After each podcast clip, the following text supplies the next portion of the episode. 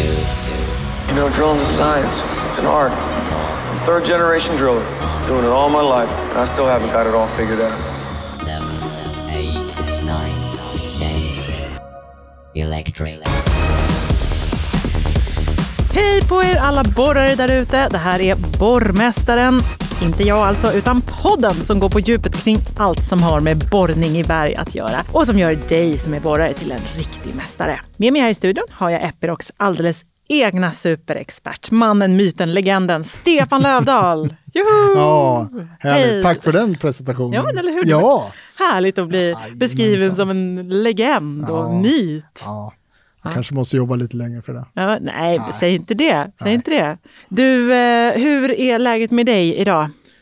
Det är bara fint.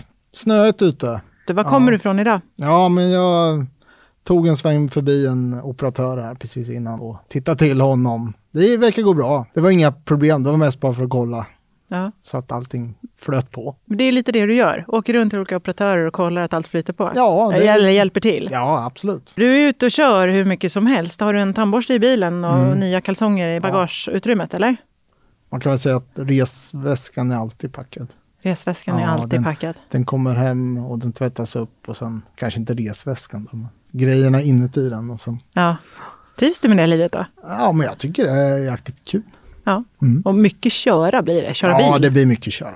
Absolut, Ja. det blir det. Och är det alldeles för långt så då blir det ju flyg. Just det. Ja. Alltså upp till typ Aitik Ja, och så precis. från Örebro. Visst bor du i Örebro? Ja, exakt. just det.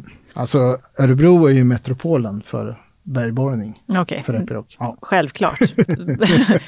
nu fick du det sagt också. Epicentrum. Epirocs epicentrum, Ja. Örebro. Ja. Bra. Men du, eh, nu, nu börjar vi med dagens ämne, eller hur? ja, det gör vi. Idag ska vi prata om inget mindre än hålnavigering. Konsten att placera borrhålen helt rätt i berget för att få till sprängningen så effektivt det bara går. Eller hur, Stefan? Det är det det handlar om. Ja. Ja, enkelt. Jag har fattat grejen. Det känns ja. bra. Ja, vi kallar det HNS på vårat, på vårat På ert förkortningssjukespråk. Ja, precis. Just det, precis. Eh, varför ska vi prata om det här idag? Det var inte min idé från början, utan det var din. Ja, det var min idé. Nej, men jag tycker att det här med hålnavigering är, det är ju viktigt. Vi har ju nästan, ja, idag är det väl knappt en enda maskin som går utan någon typ av hålnavigering som lämnar våran produktion. Det skulle vara de mindre riggarna som inte har något, de har lite enklare system då. Men annars så, de större, det är, jag skulle säga 100% som går ut med hålnavigering. Okej. När, från när måste riggen vara för att det liksom ska... Ja, ingå gör inte, man måste köpa till det, eller hur? Ja, precis. Det är ju en, det är en op- option säger vi då. Men precis som gamla bilar förr, då var ju AC option. Idag är det standard på alla bilar. Eh, jag skulle väl nästan säga att eh, hålnavigering idag är standard på våran utrustning. Fast Mm. ja, Hur gammal rigg måste man ha då för att det inte ska ha hålnavigering men i vi har, ju, vi har ju haft eh, hålnavigering sedan 2005 har vi haft på maskinerna. Då. Men Okej. det, det är ju de senaste riktiga, ja, jag vet inte vad kan man säga, fem sex åren som liksom det, alla har det liksom så. Okej, okej. Om man har en rigg som inte har hålnavigering men skulle vilja ha det, kan man liksom få in det i- riggen i efterhand? Jo, nu, nu, absolut, det går ju. Det går ju. Men eh, har du alldeles för gammal maskin så är det nog bättre att byta den. Ja, just det. Just det. Säger Epiroc-representanten här. Ja, precis. Såklart det är det. Det kostar ju ändå lite. Alltså systemet som sådant. Ja, Ja. och det är väl ingen som förvånas av det. Nej, ja, men till slut så kanske det systemet är dyrare än vad en begagnad maskin är. Då tappar det lite. Ska vi ta det från början? Vad är ett hålnavigeringssystem? Vad, vad består det av? Hur funkar det? Man skulle enkelt kunna säga att det är en, ett noggrant positioneringssystem för borrkronan. Och det är ju för att göra ett borrmönster som är rätt skjutriktning, rätt vinkel och rätt eh, borrdjup. Okej, och positioneringssystem, det är någon slags GPS helt enkelt? Ja, eller? enkelt förklarat kan man säga, eller vardagligt talat skulle man säga GPS. Ehm, så är det ju. Mm, GPS är egentligen ett, ett eh, det amerikanska positioneringssystemet och det är därför vi lite slarvigt kallar GPS i vardagligt tal. Men det finns ju fler system i världen. Det, det finns ju ryska system, eh, ett ryskt system, ett uh, kinesiskt system, ett europeiskt system. Så att i vardagligt tal så säger vi GPS. Så att det är lite som alltid, din, din telefon eller din träningsklocka visar vart du är någonstans. Det funkar så, här visar vi vart, vart borrkronan ska sättas i backen. Okej, men då, det, alltså, jag tänker mig att då måste den ju vara väldigt mycket mer precis än vad min telefon är till exempel. Ja. Den hänger ju knappt med när jag går 50 meter liksom. Nej men så är det ju. Du, på din telefon så har ju du kanske en noggrannhet på 5-10 meter i normala förhållanden. Och om du har en borrmönster på en borrmaskin som är två meter emellan hålen så skulle inte det funka. Det skulle inte gå. Så därför måste man ju ha även en, en referensantenn eller en basstation för att få till den extra noggrannheten så, som blir runt 5 cm då. När det, är, när det är GPS så är det liksom satelliten som, som skickar positioneringen då. Men sen så har man ytterligare en antenn som liksom justerar det här så Ja, att det blir väldigt precis, mycket exakt. mer precis. Vi, Okej. vi kallar det för uh, korrigering. Man korrigerar. Alla de här mottagarna som har både på riggen och på basstationen får ju samma signaler från, från eh, satelliterna. Och sen tar man dem och sen eh, korrigerar man dem så att det blir noggrant. Hur är det nu? Man kan ha en egen basstation, men sen kan man också ha någon slags abonnemang, eller hur? Eller hur, Ja. hur funkar det här? Det finns ju två typer. En, en typ är att du har en egen basstation som du sätter på en bestämd plats. Den då korrigerar värdet hela tiden så det blir noggrant. Eh, Det som är viktigt är att basstationen sitter på en och samma plats så att den inte håller på att röra sig, för då skulle det inte funka. Och det blir ett så säkert system där du är. Det, den kommer att, det enda du måste tänka på är att basstationen hela tiden har ström så att den kan sända korrigeringsdata till riggen. Då. Sen har vi då det nätverksbaserade eh, eh då, som Lantmäteriet har sitt, eh, som de kallar Svepos. Det är en tjänst, en eh, abonnemangstjänst som också sänder samma korrigering då. Men då har man massa referensantenner ute i Sverige som eh, skickar den här korrektionsdatan. Okej. Och när använder man sig av vilket av de här? När är abonnemang bäst och när är egen basstation bäst? Ja, ge- generellt kan man säga att eh, Svepos, ett Svepos-abonnemang funkar ju väldigt bra. Alltså, det skulle jag säga. Men om det skulle vara så att du har lite dålig täckning, eh, du är djupt ner i ett borrhål någonstans, så kanske en basstation är att föredra. Men generellt sett, en referensantenn funkar alldeles utmärkt och ett abonnemang på, på Svepos. Okej, men om man är riktigt långt ute i ödemarken så kanske en egen basstation är det som Ja, gäller? då, då är det kanske det du måste ha då. Mm. För att, Det blir ju lite säkrare, för ibland så, så går Svepos ner då, alltså det är helt plötsligt så blir det någon störning i det. Då, då funkar inte det bra. Då funkar ju alltid en basstation. Den kommer alltid funka. Så om man har noll koll på hur man ska göra Mm. Eh, liksom, hå- hålnavigeringssystem för eget huvud, då, Ja. då gäller det att ta det säkra för det osäkra. Ja, kanske? men lite så. Men Mm. jag, jag skulle säga generellt Svepos funkar. Okej, men om man nu sitter med systemet framför sig och eh, tänkt att man ska göra en borrplan i sitt system. Vad är det första man ska göra då? Jo, det, det är ju så att i, i dagens maskiner så har vi möjligheter att göra egna borrplaner direkt i maskinen. I det här fallet så, så kan vi göra direkt enkla borrplaner, inga problem. Hur man gör det så skapar man alltid en mall till att börja med. Och den mallen kan du alltid använda om och om igen. Sen, så länge som radavstånd och hålavstånd är detsamma så kommer du alltid kunna använda samma mall. Mm. Tar det lång tid att göra den här mallen? Nej, annars? det är gjort på ett kick. det. Okej, så att okej. det, det är jätteenkelt. Då. Ja. Just det. Mm. Ja. Okej, så man gör en mall. Och sen då? Ja, sen i nästa läge så um, måste man då gå in och sätta värden i den där mallen, ska man säga. Då. Ja, och eh, då börjar man alltid med att eh, plocka upp den där mallen och sen börjar man och, och eh, redigera den, skulle man då säga. Och eh, det första man gör då, det är att man väljer vilket referenshål. Alltså du ställer ner borrkronan på en plats där du vill ha ditt första hål, eller ditt referenshål är det. Och eh, som man gör det är att man ställer ner borrkronan, man sätter in värdet vad borrkronan har just då. Det tar man ju direkt ifrån maskinen. Och sen eh, börjar man på att eh, göra i ordning planen åt vilket håll den ska borra, då, vilken skjutriktning man ska ha. Okej. Och den där skjutriktningen kan man då antingen välja genom att eh, sätta våran, vårat sikte. Vi har ju ett sikte i maskinen som man kan använda sig av.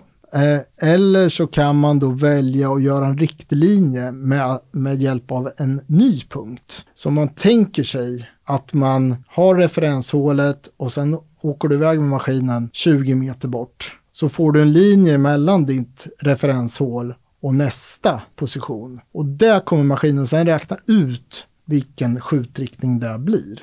Okej, och så blir alla hål i den i samma skjutriktning. Precis. Mm.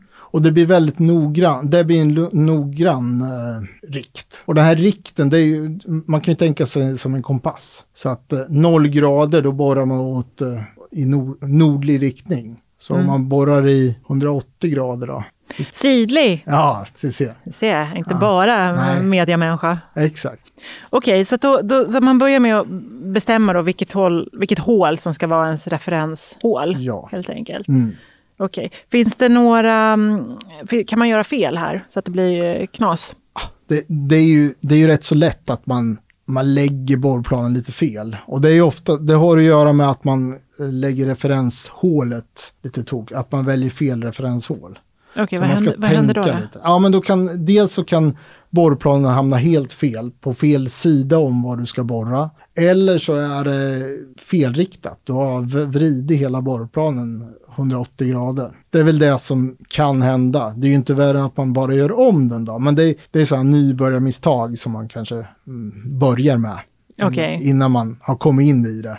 Man gör, det. man gör det några gånger i början och sen är man inne i det. Och har man gjort det väldigt många gånger och fortfarande gör fel, Ja. då, då måste man höra av sig. Ja, då får man ringa mig. Då får man ringa dig. Ja. Kommer du och hjälper Då får lite? jag, får jag berätta hur man ska göra. Just det. Eller så får man byta jobb kanske. Ja, jag vet inte. Ja, ja, men en chans har man va? ja, ja absolut. Eh, hinner man märka att allting har... Det här kanske är en jättedum fråga nu, men hinner man märka att det har blivit helt fel och vridet? Eller kan man liksom fortsätta i god tro? Nej, men det här kommer funka jättebra. Och så, Det som kommer hända är att när du väl, man får ju då, man gör en borrplan och sen laddar man ju upp borrplanen för att borra efter den. Och när man gör den där uppladdningen av, av borrplan, då kommer man se att man inte har några hål i den. Då visar det sig att då har de hamnat på ett helt annat ställe. okej. Så att du ska ju efter att ha gjort en borrplan så ska du kunna se dina hål. Just det, så man kommer inte liksom ha sprängt bort fel bit berg. Så, Ja, nej precis. Så är det. Så att det, det, det är rätt så enkelt att man ser att nej, det finns inga hål i den här borrplanen. Men då är det oftast att den ligger fel. Den, är inte, den finns där fast den ligger helt fel. Det är inte där du är. Okej, om man redan har borrat då i ett parti, man har liksom kanske, ja, men man har borrat, förberett för, för en salva och ska liksom börja förbereda för nästa. Mm. Och det ska vara samma riktning på den. Kan man liksom ta samma mall och, och bara göra, ta det igen och köra vidare? Eller hur gör man då? Ja, men man kan ju, man kan ju fuska lite så tillvida att man vet, och man, visst, man vet ju vad den gamla borrplanen, hur den, vilken riktning den hade. Så då kan man ju vända, använda sig av det då. Eller att man har gjort så tillräckligt stor borrplan så att du tar bara och trycker in den stora borrplanen och borrar i den igen. Det är ju också ett sätt att, att hantera det här. Men eh, det går alldeles utmärkt eftersom du visste vad förra, förra riktningen var på förra salvan så kan du bara sätta in det här värdet. Får du mycket frågor om det här? Ja, men det är en hel del faktiskt. Det, det blir en hel del. Det är väl därför jag vill att vi tar upp det i podden. För att Ja. eh, det, det, det kommer en del frågor om det. Men som sagt, det är en liten uppstartsträcka och sen är man där. Sen, sen funkar det. Ja.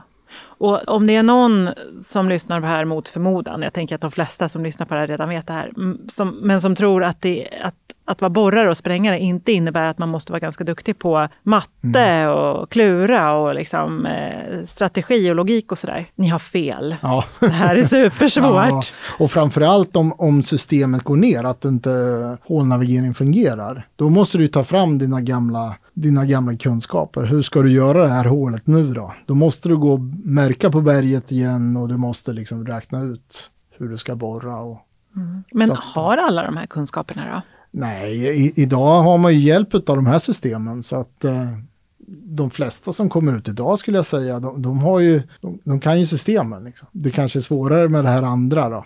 Det beror på vilken väg du har gått. Har du gått den, den långa vägen eller har du, kommer du sätta dig direkt i en hålnavigeringsmaskin så är det ju, ja det är lite skillnad. Mm. Men om man är då en ny och ung borrare som liksom bara kört via HNS-system, finns det en anledning att lära sig hur man gör på riktigt? Ja. Eller är det lite waste of time? Nej, det tycker jag inte. Jag tycker att det är jättebra om man vill lära sig från grunden. De gamla rävarna som, som har varit med, prata med dem.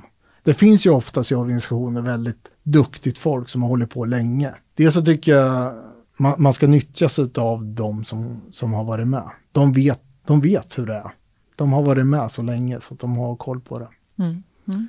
Samtidigt så kan man få de gamla rävarna att inse att det där med hålnavigering är rätt så bra också. Mm, det kan också vara en utmaning kanske som Ja. man kan ta sig an. Precis. Övertyga ännu fler om, Ja, om hålnavigeringens eh, storheter. ja absolut. Ja.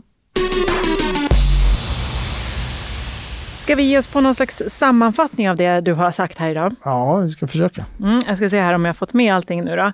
Eh, först och främst, man gör en mall och det går jättebra att använda samma mall om och om igen, eller hur? För att, Yes. spara, för att spara tid då.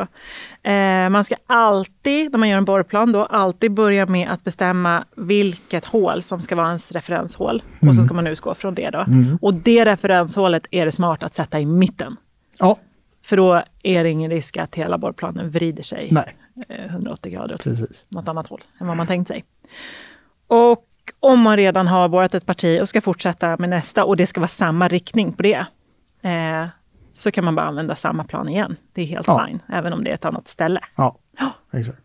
Räcker det? Har jag, har jag missat någonting? Ja, jag tycker det är i stora delar. Ja, absolut. m- Man tjänar på att lära sig hur, det hur, hur, man, hur man borrar utan ett HNS-system också. Ja, det gör man ju verkligen. Ja. För ibland, ibland funkar det inte och då måste man ju hitta på något annat. Då är det tillbaka till gamla heliga knep med att gå på berget. Och, men sen samtidigt, jag tycker det här med hå- hålnavigering, det är ju en säkerhetsaspekt i det också. Hur då? Ja, men som idag när man går ut, det är fullt med snö, du vet inte vad som finns under snön, det kanske är isigt. Så ska du springa runt där, om du inte hade det så ska du springa runt där och sparka runt snö och ja, med risk för att du halkar. Men idag, jag menar med, med hålnavigering behöver du inte hålla på med det. Då finns, då finns hålen där redan. Då finns hålen där. Då kan man sitta på eh, tryggt avstånd från, från halkan Ja, in i riggen och, Ja. och mysa. precis. Ja. Du, med det har vi kommit fram till nästa punkt, tänker jag. ja. Eh, nytt på borrfronten.